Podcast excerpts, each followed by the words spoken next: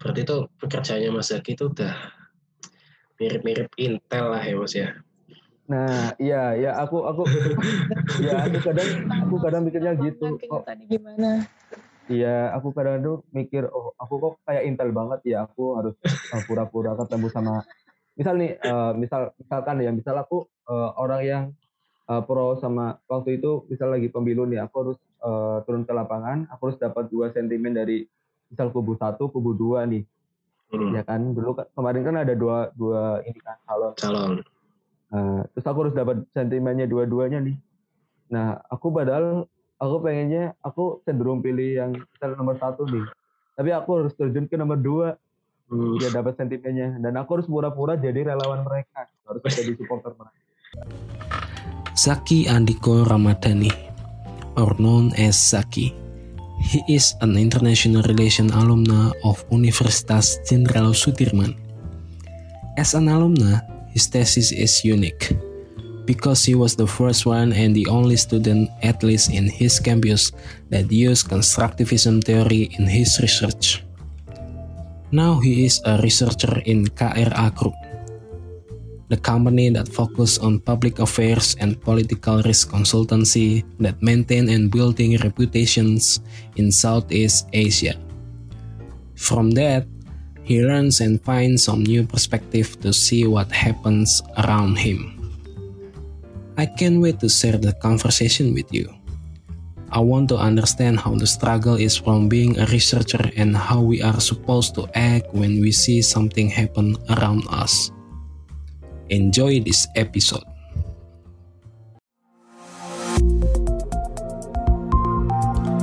Inilah Kopi Podcast.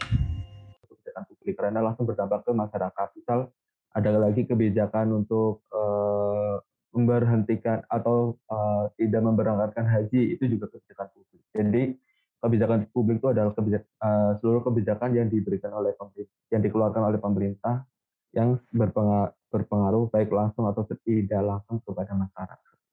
Itu kebijakan publik. Jadi perusahaan aku tuh uh, skop skop uh, skop uh, pekerjaan itu agak luas gitu, sangat luas bahkan. Jadi hampir semua isu tuh bisa terangkum atau atau bisa di bisa diperhatiin sama uh, perusahaan aku. Terus kliennya dari mana aja sih gitu kan? Kliennya bisa dari beragam beragam uh, sektor ya. Ada yang dari pemerintah juga ada, dari swasta juga ada, terus dari kadang-kadang dari perorangan juga. Terus uh, perusahaannya juga, uh, kliennya juga ada yang dari luar negeri juga, dari di luar Indonesia juga ada, terus dari dalam negeri juga ada. Itu sih hmm. paling ya sedikit sedikit sedikit uh, uh, kisi-kisinya tentang uh, pekerjaan aku jadi aku kerjanya di bagian riset uh, di perusahaan kebijakan publik konsultan kebijakan publik nah itu mungkin uh, salah satu salah satu bidang kerja juga yang selain uh. diplomat yang mungkin bisa dicoba oleh teman-teman nanti kalau udah gitu kan. banyak konsultan-konsultan di sana gitu kan karena dulu aja jujur aku nggak pernah dengar kata konsultan gitu. terus waktu udah udah selesai kuliah baru dengar eh, enam uh, bulan setelah wisuda bahkan uh, tiga bulan setelah wisuda aku baru dengar ada namanya konsultan wah wah ini bagus nih kayaknya bisa dicoba itu bisa jadi salah satu peluang peluang uh, kerja buat teman-teman nanti selain diplomat yang ya. Terus aku juga sempat nyari uh, tentang perusahaannya Mas Zaki nih. Iya. Itu lingkup penelitiannya kebijakan ASEAN ya? Oh ya, jadi uh, memang kalau uh, perusahaan aku tuh lingkupnya di lingkup uh, Asia Pasifik sih sebenarnya Asia Pasifik. Jadi kadang-kadang uh, isu-isu di klien dari luar Asia Tenggara juga kadang dulu ada. Gitu. Kan. Kita hmm. juga ada koresponden ke misal ke Korea, ke Jepang gitu-gitu, ke Taiwan, uh, Hong Kong gitu-gitu. Jadi uh, hampir di beberapa negara Asia Tenggara juga kita punya perwakilan. Jadi hampir uh, ya sih Asia Tenggara atau Asia Pasifik gitu. Kayak MNC gitu ya mas? Uh, kalau MNC kan sebenarnya agak beda sih, tapi agak mirip-mirip sih. Iya, iya kan. Tapi kan punya headquarternya kan mas? Ada headquarter. Ya kalau kalau head headnya tuh pusatnya tuh sebenarnya di Kuala Lumpur. Hmm. Nah terus jadi cuma ada dua headquarter kalau nggak salah ya satu di Kuala Lumpur. Nah satunya cabangnya yang ada kantornya tuh di Jakarta. Nah selain itu ada cuma perwakilan aja, aja sih di Filipina ada, di Thailand ada, di Vietnam juga ada kalau nggak salah. Vietnam, Filipina, terus mana lagi ya? Aku agak lupa. Hong, Hong Kong ada nggak ya? Jadi beberapa negara di Asia Tenggara udah ada perwakilan. Hmm. Jadi kadang-kadang juga ada intern dari misal dari misal dulu ada yang dari Inggris juga intern di kantor kita gitu kan. Terus dari uh, Filipina gitu-gitu banyak. Hmm. Terus boleh cerita nggak Mas akhir-akhir itu yang apa ya yang diteliti sama Mas Zak itu apa?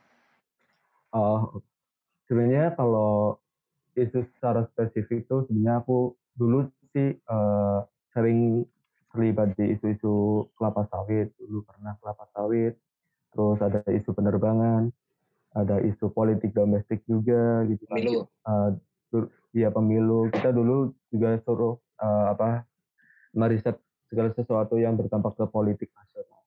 Kenapa kita harus uh, ikutin politik nasional? Karena politik itu kan menentukan uh, siapa yang akan memerintah nanti gitu kan.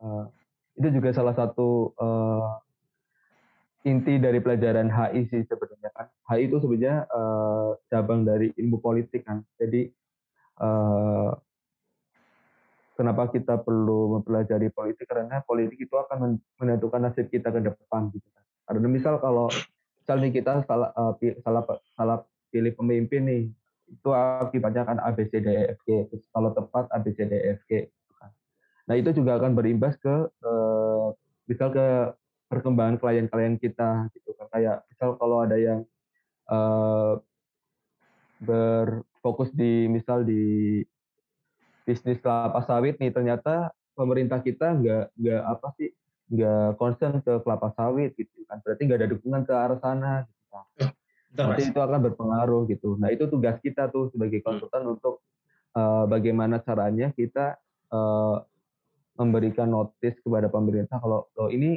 isu sawit itu penting loh harus ada hmm. uh, harus ada intervensi dari pemerintah ABCDFG gitu. harganya lagi turun nih lagi ada diskriminasi nih dari Eropa segala macam. Hmm, Mas berarti kliennya Mas Zaki itu siapa Mas sebenarnya Mas? Negara kah atau perusahaan oh. Kah atau gimana kayak gitu.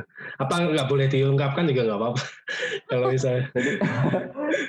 Jadi, kalau itu sebenarnya ya. Kalau misal kita nyebut namanya itu confidence tapi aku bisa nyebut secara umum kadang-kadang tuh kalau klien tuh bisa dari pemerintah itu ada misal dari pemerintah misal kalau misal dari kementerian apa segala macam bisa tuh uh, jadi klien kita dari kementerian apa atau dari perusahaan apa tuh. Misal ada perusahaan uh, perusahaan apa misal uh, perusahaan apa sih teknologi apa misal pengen uh, dapat konsul ke kita misal pengen membuka uh, misal nih dari perusahaan luar negeri misal dari mana ya? Misal dari uh, dari Cina misal dari Cina pengen buka uh, terus uh, rumah sakit misal di di Indonesia. Mereka kan nggak tahu nih uh, apa kebijakannya atau persyaratan apa aja yang dibutuhkan untuk menanam eh, untuk membangun rumah sakit di Indonesia? Dari dari luar negeri itu syaratnya apa aja? Terus harus ketemu dengan pejabat siapa aja segala macam untuk untuk apa memberikan atau mengumpulkan persyaratannya segala macam. Nah itu tugas kita membuat uh, membuat uh, klien kita misal dari perusahaan perusahaan dari Cina mau yang mau investasi di Indonesia untuk menanam untuk membangun rumah sakit misal Nah, kita yang ngasih uh, tugasnya uh, orang riset itu memberikan apa sih uh, riset atau hasil hasil penelusurannya itu persyaratannya tuh yang harus dipenuhi A, B, C, D, F, G gitu. Terus kita kirim ke sana.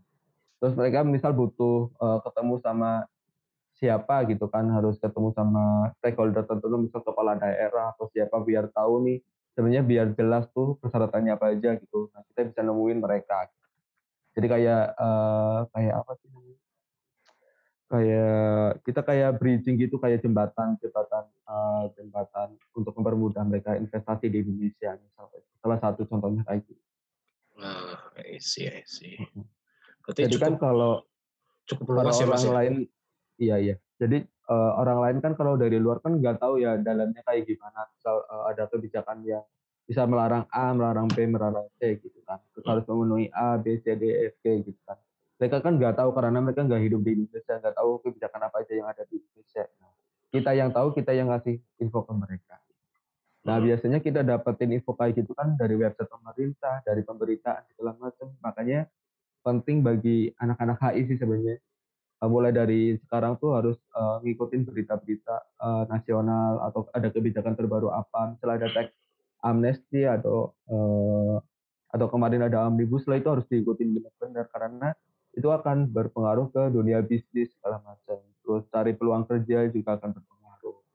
Itu. Hmm, ya, ya. ya sih benar sih. Apa uh, apalagi ada kalau berita nasional terkini itu kayaknya terakhir teks amnesti ya wacana katanya ya, mau ada, ada lagi. teks amnesti kedua. Teks amnesti yang kedua.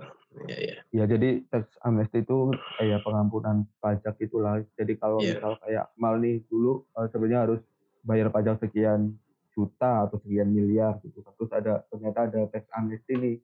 Berarti ada diskon lah berapa persen gitu. Yang penting apal ada pembayarannya berapa. Dan sasarannya biasanya pengusaha yang kaya raya ya maksudnya nah, pengusaha yang, biasanya yang asetnya di luar negeri lah yang iya, kayak gitu. telat bayar nah, pajak tapi, lah. Nah nah itu nanti juga ada ada ada hubungannya nih sama sebenarnya dulu kalau mungkin Hana kalau atau Akmal pernah diajari sama uh, salah satu dosen kita di terkait uh, teori-teori ekonomi politik. Salah satunya kan ada yang namanya rent seeking. Uh, kalau pernah dengar nggak Hana atau Akmal istilah rent seeking? Belum. Jadi kayak pemburu rente lah istilahnya pemburu rente itu oh. jadi kayak ada salah satu aktor yang menginginkan suatu perubahan kebijakan hmm. perubahan kebijakan untuk menguntungkan uh, dirinya atau kelompok orang gitu kan. Hmm. Jadi misal nih ternyata ada ternyata di belakang teks amnesti itu ada salah satu aktor atau kelompok aktor yang mencoba uh, yang telah melakukan negosiasi atau diplomasi dengan pemerintah atau pejabat kita untuk memberikan pengampunan lah bagaimana uh, mungkin caranya berbagai macam ya misal ada misal dikasih uh, tahu kalau Pak uh, Pak Presiden misal nih uh, tolong dong Pak nanti dikasih teks amnesti ini nanti kalau ada tax amnesty bakal mempercepat pertumbuhan ekonomi ini misal kayak gitu kan. Karena salah satu target uh, ekonomi kita misal di tahun ini 8% gitu kan. Salah satunya mungkin untuk memasukkan uh, pemasukan uh, keuangan negara misal kasih aja tax amnesty biar ada pajak gitu. Nah, itu salah satu uh, metode rent seeking untuk untuk mengubah kebijakan. Jadi rent seeking adalah salah satu uh, cara atau adanya aktor baik kelompok atau perseorangan yang menginginkan suatu perubahan kebijakan dari pemerintah untuk menguntungkan mereka sendiri atau perusahaan mereka.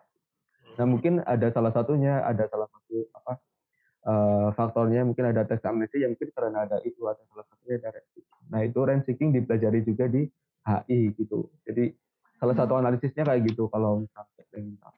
Itu kayak mata kuliah itu teh apa ya tuh itu. Uh, dulu diajar sama salah satu ibu dosen sih. Ekonomi internasional kalau nggak salah ya. Apa-apa hmm. ya. Eh bukan ya? Iya. Bukan. Nggak tahu aku lupa. Di, di ekonomi politik, di ekonomi politik. Jadi okay. uh, eh, aku aja baru sadar kalau teori-teori kayak gitu yang ada di kelas, yang diajarin di kelas itu akan terasa banget ketika aku baru baru kerja nih sebagai orang riset sebagai hmm. periset aku baru sadar nih oh ternyata teori yang dulu diajarin itu maksudnya kayak gini nih gitu kan itu karena aku uh, berkecimpung di dunia riset dan aku mengikuti update-update apa sih pemberitaan segala macam terus aku harus ketemu orang-orang itu terus dapat dapat uh, cerita segala macam kan akhirnya aku oh maksudnya yang namanya rent seeking tuh kayak gini nih terus yang namanya merkantilis tuh kayak gini yang namanya itu kayak iya. gini yang namanya liberalis tuh kayak gini yang kapitalis tuh kayak gini hmm. jadi eh, teori atau konsep yang dipelajari di di kelas emang waktu itu rasanya tuh kayak hayalan banget sih ini kayak mengaba bara-bara banget gitu kan kayak kayak abstrak banget gitu kan tapi ketika kita udah di dunia kerja itu kita bakal baru sadar oh yang dimaksud sama misal ibu dosen ini maksudnya kayak gini nih uh, implementasinya di dunia kerja. Hmm. Hmm. Misal kita baru tahu nih ternyata yang namanya buruh itu uh, uh, apa? Yang namanya marxis itu uh, perjuangan buruh itu akan dimulai ketika kita udah ada di kantor. Gitu. Misal antara relasi antara kita sama atasan misal atau sama, uh, buruh sama pemerintah misal. Gitu. Iya, iya. Itu juga bisa kayak gitu. Jadi buruh tuh sebenarnya kan kayak misal dulu uh, di sosial media kan misal misal ada yang uh, mengkelompokkan misal kalau PNS tuh bukan buruh gitu. Jadi yeah. sebenarnya tuh PNS juga buruh karena mereka dibayar gitu. Pokoknya sekali, uh, semua orang yang dibayar itu namanya buruh. Nah, jadi kalau yang orang yang membayar itu namanya uh, pemilik modal gitu kan. Pemilik modal itu yang membayar gitu kan. Nah, pemilik modal kalau bahasa di teori uh, di perkuliahan biasanya adalah uh, kaum borjuis gitu kan karena mereka yang memiliki modal punya modal yeah, yeah, yeah. nah itu maksudnya ke teori Marxis uh, apa klasifikasi kelas kayak gitu kan pertentangan kelas itu. Jadi oh maksudnya tuh kayak gitu ketika kita kita baru sadar ketika kita udah bekerja sih. Tapi kalau kita kuliah emang nggak ada nggak dapat feelnya memang nggak dapat feelnya cuma merasa itu abstrak banget tapi emang ada beberapa dosen yang itu sih mas bisa menjelaskan manfaatnya juga kadang. Hmm, gitu, kadang yang bisa ngasih tapi contohnya. semua kan ya. Nggak semua. Nggak semua lah itu. Iya itu. Dan dan itu aja kalau misal uh, dosennya bisa menjelaskan, kadang-kadang kita yang nggak memperhatikan. Jadi ketika dosennya udah menjelaskan dengan benar nih, uh, tapi kita yang nggak memperhatikan, akhirnya kita nggak dapat informasi apa pun. Gitu kan. Dan hmm. ketika kita ketemu sama misal nih misal aku seangkatan sama Ahmad terus udah sama-sama kerja gitu kan terus aku cerita nih kerjanya aku kayak gini kayak gini. Nah, terus aku jelasin oh iya dulu aku pernah diajari dulu ingat nggak diajari sama Pak Pak ini atau atau Bu ini gitu? Ada teori kayak gini loh ini persis banget sama penjelasan dia gitu. Oh iya emang kita pernah diajarin kayak gitu? Nah kadang-kadang kayak gitu kan padahal sama kelasnya sama angkatan kadang-kadang kayak gitu. Iya. Yeah. uh, aku mau mundur sedikit nih mas. Uh, kan Mas Zaki berarti udah berada di dunia ini, eh dunia kerja ini itu sekitar sekitar dua tahunan lah ya Mas ya katakanlah. Nah itu dari semua pengalaman Mas Zaki meriset, kan risetnya di lapangan juga ya Mas ya?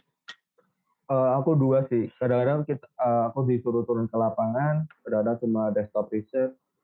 Eh, pengalaman Mas Zaki yang menurut Mas Zaki paling wah paling asik deh, paling enak, yang paling menantang dari Mas Zaki apa waktu itu? Banyak banget sih kalau yang yang asik tuh sebenarnya tergantung ya kita nikmatin atau enggak. Kalau kita nikmatin yeah. rasanya asik, tapi menantang tuh banyak yang menantang. Sebenarnya uh, contohnya dulu uh, waktu uh, misal nih aku suruh turun ke lapangan waktu itu ada aksi 212 aku turun ke lapangan tuh aku hmm. harus ketemu sama orang uh, cari tahu uh, kenapa mereka harus turun ke jalan sih gitu kan isu apa yang mau mereka bawa segala macam hmm, karena uh, terus misal mereka beneran dibayar atau enggak sih dua satu dua tuh ahok kan ya uh, ya ahok terus kan ada keberlanjutannya tuh ada episode berapa gitu gitu oh, kan. iya Iya, terus kan? satu dua. Hmm. Nah terus uh, yang kemarin yang pemilu yang sempat uh, apa ada protes buat uh, suaranya di Mahkamah Konstitusi ya kalau nggak salah. Yeah. yang sampai demo segala macam itu kan yang sampai tembak-tembakan itu kan. Itu hmm. aku juga turun kan turun ke sana buat cari uh, sentimennya masyarakat masyarakat yang turun tuh uh, gimana sih? Mereka benar tahu sama isunya atau enggak sih? Terus uh, siapa aja yang turun nih? Em emang benar cuma mahasiswa aja atau ada ada yang menggerakkan dari partai apa? Gitu itu pernah turun gitu Padahal posisinya tuh udah ada tembak-tembakan dan aku harus turun. Itu kan menantang banget. Waduh. Uh, jadi kadang-kadang uh, ada ada kalanya itu kita mencoba mempertaruhkan nyawa, oh, bukan mempertaruhkan, tapi tapi kita mencoba menantang diri kita sendiri sebenarnya uh, buat cari informasi yang lebih. Kadang-kadang kan karena di media kan terbatas ya di media. Media kan kayak misal di berita itu kan mereka harus melalui editor segala macam. Berarti harus diksinya juga pilihan katanya kan juga akan dipilih kan yang sentimennya netral tuh kayak gimana, positif tuh kayak gimana, negatif tuh kayak gimana. Tapi kalau kita turun langsung ke lapangan, kita tahu semua sentimennya ini benar-benar negatif atau benar positif atau netral. Kayak gitu. Hmm, oke, okay, oke. Okay. Karena kalau media itu kan media udah mengalami uh, editor segala macam pemilihan katanya diganti atau narasumbernya nggak cocok bisa diganti gitu kan. Hmm. Itu uh, politis banget jadi sifatnya. Jadi sebenarnya uh, salah satu pelajaran yang aku ambil kalau aku uh, kerja dua tahun ini sebagai orang yang riset dan sebagai konsultan, nggak semua berita itu harus kita telan mentah-mentah, harus kita klarifikasi, harus kita konfirmasi lagi gitu ke lapangan. Hmm. Karena itu kan ada proses politisnya ya. Misal uh, dari wartawannya yang udah ngasih judulnya positif nih, tapi nggak sesuai nih sebenarnya sama uh, instruksi dari atasan misal. Uh, bisa aja diganti narasinya jadi uh, yang awalnya netral jadi negatif atau yang awalnya netral jadi positif. Itu bisa banget. Hmm. Terus pemilihan narasumber juga bisa banget. Kalau misal nih ternyata si Akmal itu uh, pengamat yang cenderung pro sama uh, pemerintah. Terus si iya. Hana cenderung uh, kontra sama pemerintah. Nah, media itu bisa menentukan nih aku mau ngambil uh, statementnya dari siapa deh gitu. pendapatnya dari siapa? ya lebih cenderung mendapatkan uh, pernyataan yang lebih pro aja deh gitu kan. Itu kan sifatnya politis banget kan ya. Banget. Yang uh, politis banget kan. Akhirnya yang berita yang muncul kan akhirnya yang positif gitu kan. padahal yang negatif juga perlu didukung. Tapi ternyata yang ne yang negatif tuh gak ada yang ngeliput nih. Berarti kan otomatis akan mempengaruhi uh, persepsi publik kan. Karena publik yeah. konsumsinya berita-berita yang positif terus.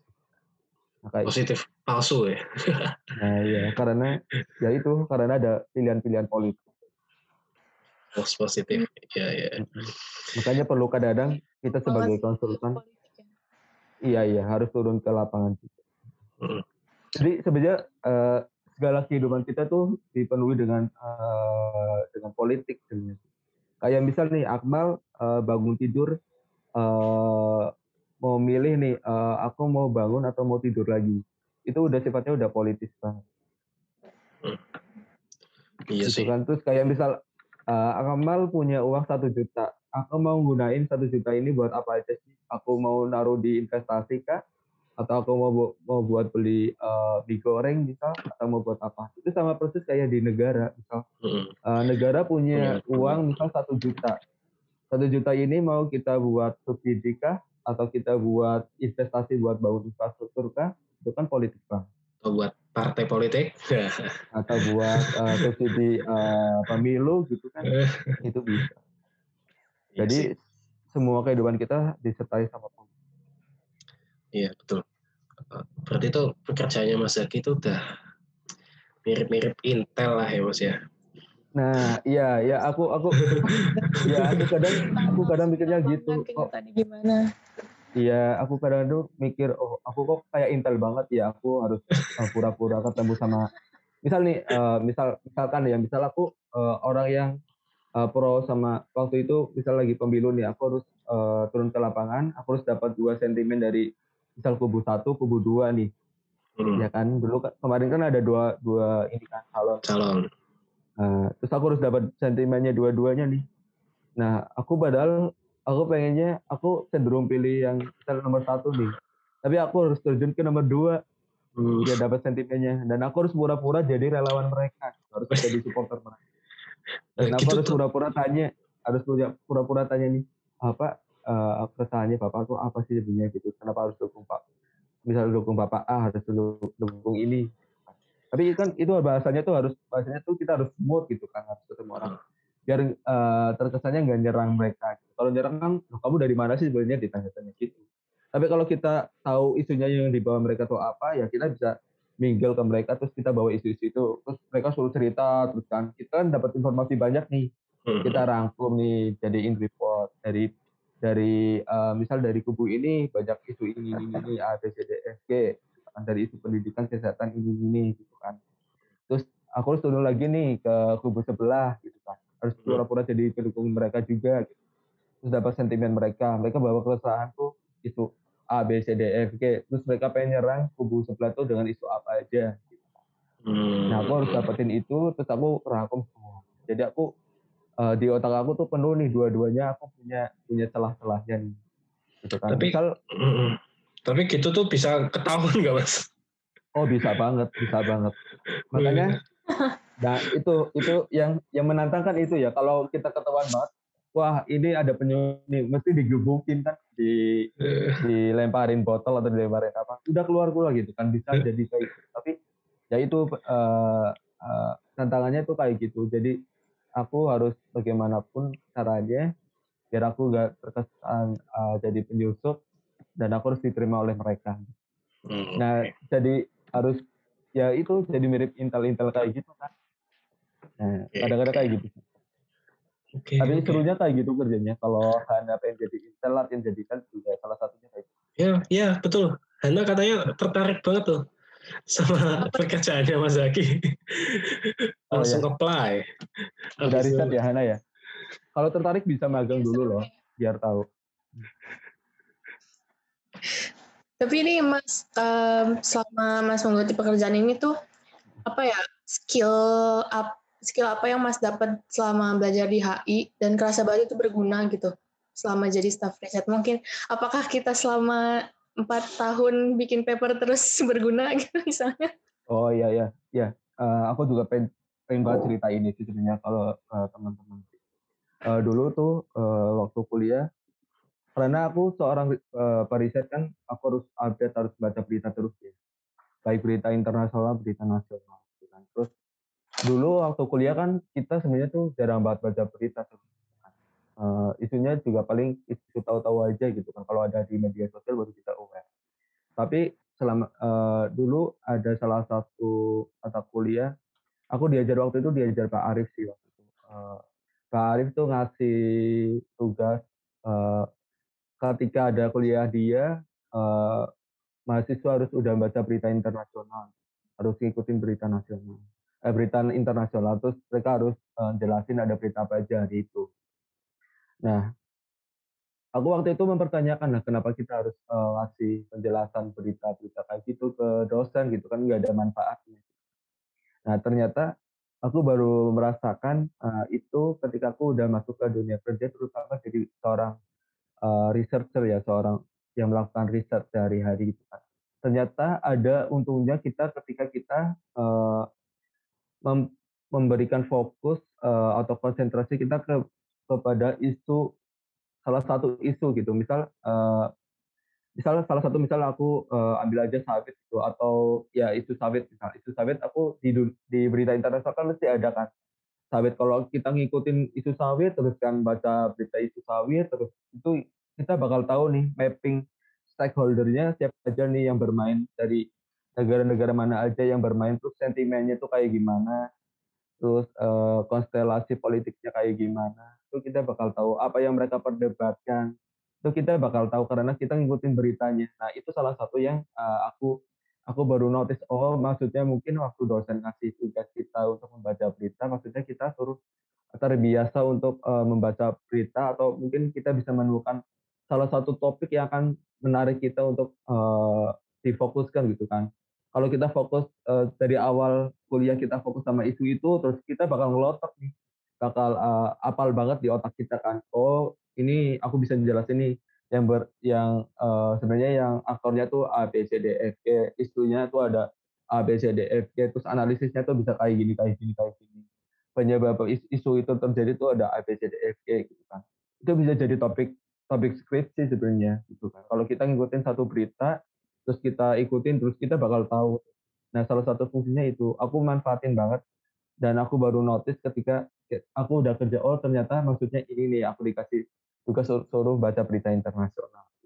Itu salah satunya itu. Terus yang kedua karena aku seorang periset jadi aku udah paham nih cara membuat tulisan tuh yang baik dan benar kayak gimana. Terus uh, bikin analisis yang benar tuh maksudnya yang dimaksud analisis tuh kayak gimana sih sebenarnya? Gitu terus uh, cara menggunakan teori atau konsep itu kayak gimana? Jadinya aku tahu tuh lebih lebih gampang untuk aku untuk apa memberikan analisis dengan konsep atau teori-teori yang aku belajar jadi bermanfaat banget sih terutama bagi seorang uh, konsultan atau seorang periset untuk untuk uh, apa sih untuk paham bagaimana memberikan analisis, bagaimana melakukan report atau melakukan riset yang baik dan benar. Karena uh, yang namanya riset kan kita harus nulis ya, harus terbiasa nulis kan. Nah, SPOK aja harus di harus diperhatikan benar-benar gitu kan. Itu persis ketika kita kayak skripsi. SPOK kita berantakan ya harusnya jadi subjek jadinya objek terus yang jadinya harusnya jadi objek terus jadinya subjek itu kan jadi ketukar-tukar gitu kan. Nah, itu jadi uh, yang harusnya maksudnya kamu ini A jadinya amin gitu kan. Yang maksudnya B jadinya B min gitu kan.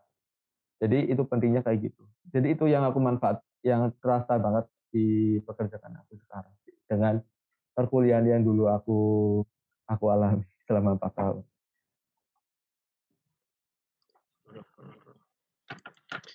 Iya sih, benar banget. Jadi uh, kalau kalau Hana dari dari sekali misal belum nemu belum nemu topik skripsi sih uh, masih bingung seperti apa. Paling enggak Hana tuh harus terbiasakan membaca berita internasional dulu, berita internasional atau berita berita nasional juga nggak apa-apa gitu kan.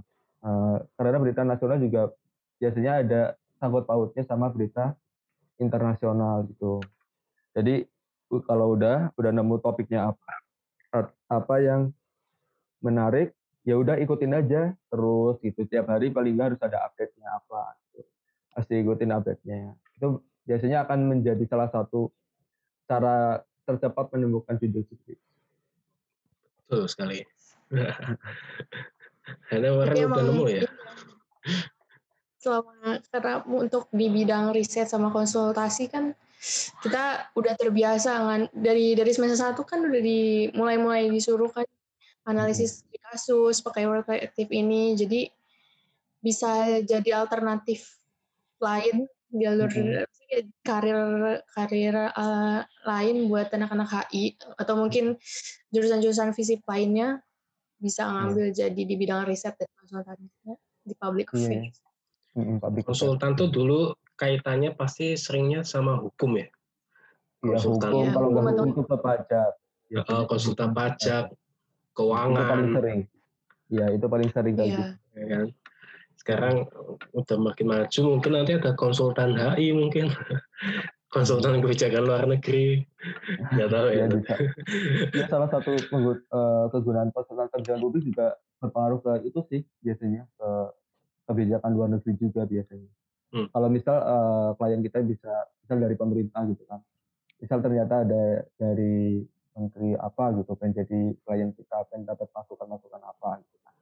Karena kita paham nih isu yang berkembang tuh kayak gimana hmm. terus kita bisa ngasih solusinya kayak gimana insightnya kayak uh, saran-saran yang baik buat uh, diplomasinya kayak gimana itu bisa. Ya, mas Mas Zaki kan tadi sempat nyinggung tuh Mas. Uh, Mas Zaki jadi tahu uh, ketika kerja di uh, jadi staff riset tentu jadi tahu lah ya uh, menganalisis tuh caranya yang sebenarnya seperti apa. Nah mungkin yeah. Mas Zaki bisa share cara Mas Zaki riset selama ini kayak gimana gitu. Mungkin bisa diaplikasikan buat anak-anak HI atau mungkin nanti buat Hana juga di FVCI kayak gitu buat kami kayak oh, gitu. Oh iya. Iya ya. Uh, kalau di tempat kan harus terbiasa ini ya apa monitoring berita. Satu kalau mau kita harus uh, melakukan riset kan kita harus punya referensi banyak. Satu uh, harus punya referensi banyak. Nah, referensi itu kita dapat dari mana? Kita dapat dari bahan bacaan. Bahan bacaan itu banyak ya, bisa dari buku, bisa dari bisa dari website, bisa dari internet lah istilahnya. Nah, internet itu ada, kan ada beragam juga. Nah, salah satu yang biasanya kita uh, jadikan apa sih cara uh, informasi pertama kita kan dari berita berita-berita.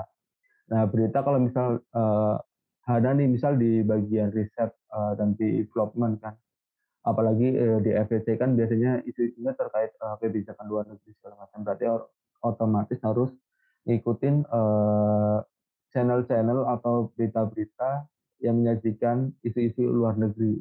Nah, isu-isu luar negeri itu bagusnya kita baca langsung dari media-media yang ada dari negara tersebut. Misal kalau ada kayak misal kalau aku bisa nyebutin kayak Al Jazeera, The Diplomat, terus ada Reuters, terus ada misal kalau pengen isunya tentang uh, spesifik tentang keamanan nih, uh, Hana bisa selalu monitoring di uh, situs The Diplomat di situ uh, khusus untuk uh, meliput isu-isu militer keamanan kayak gitu biasanya. Di, The Diplomat tuh update update isu-isu tersebut. Jadi kalau pengen tahu isu terkini itu apa terkait keamanan bisa di, di terus kalau pengen tahu tentang isu-isu terkini yang paling terdepan tuh biasanya router Reuters terus Bloomberg itu tentang ekonomi. Terus ada The New York Times uh, The Economist juga bagus salah satu uh, yang aku saranin untuk dibaca oleh Hana ya terutama sebagai atau teman-teman yang lagi melakukan uh, riset atau melakukan uh, apa sih cari-cari topik skripsi paling nggak baca satu majalah The Economist kalian bakal tahu nih satu dunia itu lagi ada isu apa aja itu ada dari isu politik, ekonomi, sosial itu ada ada di situ di di di, di ekonomis gitu. Nah itu teman-teman bisa baca itu. Nah setelah teman-teman baca baca semua, misal nih teman-teman pilih satu isu A, misal dapat satu isu A, terus teman-teman dapat bacaan dari dari semua sudah baca semua sumber nih dari bisa dari Reuters, New York Times segala macam udah dibaca semua dengan isu yang sama. Setelah itu baru uh, teman-teman bikin summary intisarinya itu ada apa aja dibikin. Terus yang yang bagus itu biasanya kita akan menemukan uh, uh, aktor yang terlibat aktor itu bisa dari bahan bacaan yang kita baca itu kita paling nggak menemukan satu aktor yang terlibat itu siapa aja apakah itu negara atau apakah itu NGO atau apakah itu swasta atau lain sebagainya. NGO itu kayak misal kalau kita sebutin kayak Greenpeace itu maksudnya NGO. Terus kayak uh, kayak negara misal kalau dari pemerintah, misal pemerintah negara mana, masih kebijakan luar negeri apa. Terus uh, isunya yang berkembang itu apa. Paling enggak itu tuh setelah kita baca semuanya, bacanya jangan cuma satu satu satu sumber berita, tapi harus baca semua berita yang ada. Setelah semua dibaca, kita bikin langsung bikin summary Nah, bikin summary, setelah bikin summary baru kita baca lagi. Nah, setelah itu pasti kita paham. Nah, analisis itu apa sih? Analisis itu sebenarnya itu kita menjelaskan uh, kenapa isu itu terjadi atau kebijakan itu dikeluarkan oleh pemerintah. Misal nih, uh, salah satunya nih contoh ya, misal uh, pemerintah uh, pemerintah uh, memberikan kebijakan untuk uh, meniadakan uh, mudik uh, 2021. Nah, berarti analisis yang perlu kita kita kasih tahu di situ berarti apa sih alasannya pemerintah ngasih uh, kebijakan itu, terus dampaknya apa ke ekonomi, dampaknya apa ke sosial, dampaknya apa ke politik.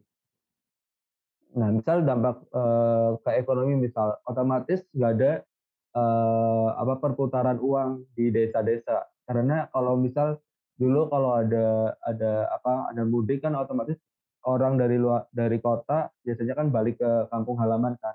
Biasanya mereka bawa uang banyak nih. Otomatis ada perputaran uang di situ kan. Itu kan akan memacu uh, pertumbuhan ekonomi juga. Nah ketika nggak ada mudik berarti otomatis nggak ada perputaran uang di situ. Otomatis uh, masyarakat nggak punya uang ada pertumbuhan ekonomi di situ. Terus sosialnya tuh kayak gimana? Akibatnya uh, akibatnya banyak banyak orang-orang yang putus uh, ada ada yang PHK segala macam terus nggak kelaparan kemiskinan akan bertambah gitu. Itu sosial terus kayak politiknya kayak gimana sih? Ternyata karena karena apa? Karena ada kebijakan pelarangan mudik mungkin uh, secara politik mungkin uh, bakal ada protes dari dari partai apa gitu kan karena uh, kontra sama kebijakan dari pemerintah. Itu bisa jadiin analisis kayak jadi analisis analisis itu simpelnya atau sederhananya adalah kita menjelaskan mengapa suatu isu itu bisa terjadi atau suatu kebijakan itu bisa dikeluarkan oleh pemerintah atau aktor-aktor tertentu. Bisa dari sejarahnya kayak gimana, dampak suatu kayak gimana, kayak gitu. Itu yang namanya namanya analisis tuh kayak gitu. Pada dasarnya itu 5W1H lah ya Mas ya. Harus membuat iya, iya. 5W1H itu 5W1H. kan ya. 5W1H. Hmm. Jadi bagi ya 5 B 1 H sih paling enggak. Sama harus terjawab di analisis. Sama paling tadi yang awal-awal sempat Mas lagi singgung juga itu uh, argumen pendukung ya. argumen ya, pendukung. pendukung. Kalau misalnya kita mau analisis lebih dalam kayak gitu misalnya, Ya. bukan dalam bentuk eh, kalau kan kalau di FPCI kan ada yang topi update, ada yang nanti bentuknya opini yang penjelasan terhadap suatu isu kayak gitu. Itu kan mungkin akan lebih detail lagi. Iya. Misal analisis ya, kita mau eh, analisis eh, kedekatan eh, negara Cina sama Indonesia misal. Kita bisa analisis dengan eh, berapa besar eh, investasi Cina di Indonesia nih selama misal lima tahun ke belakang. Misal atau kita bat- batasin di periodenya Presiden A gitu. Presiden A kan menjabat misal lima tahun atau 10 tahun. Kita bisa lihat tuh perkembangannya kayak gimana. Investasinya meningkat atau menurun nih. Itu bisa jadi salah satu indikator atau supporting idea yang bisa kita gunakan. Teman-teman, itulah Mas analis konstruktivis. Terima kasih.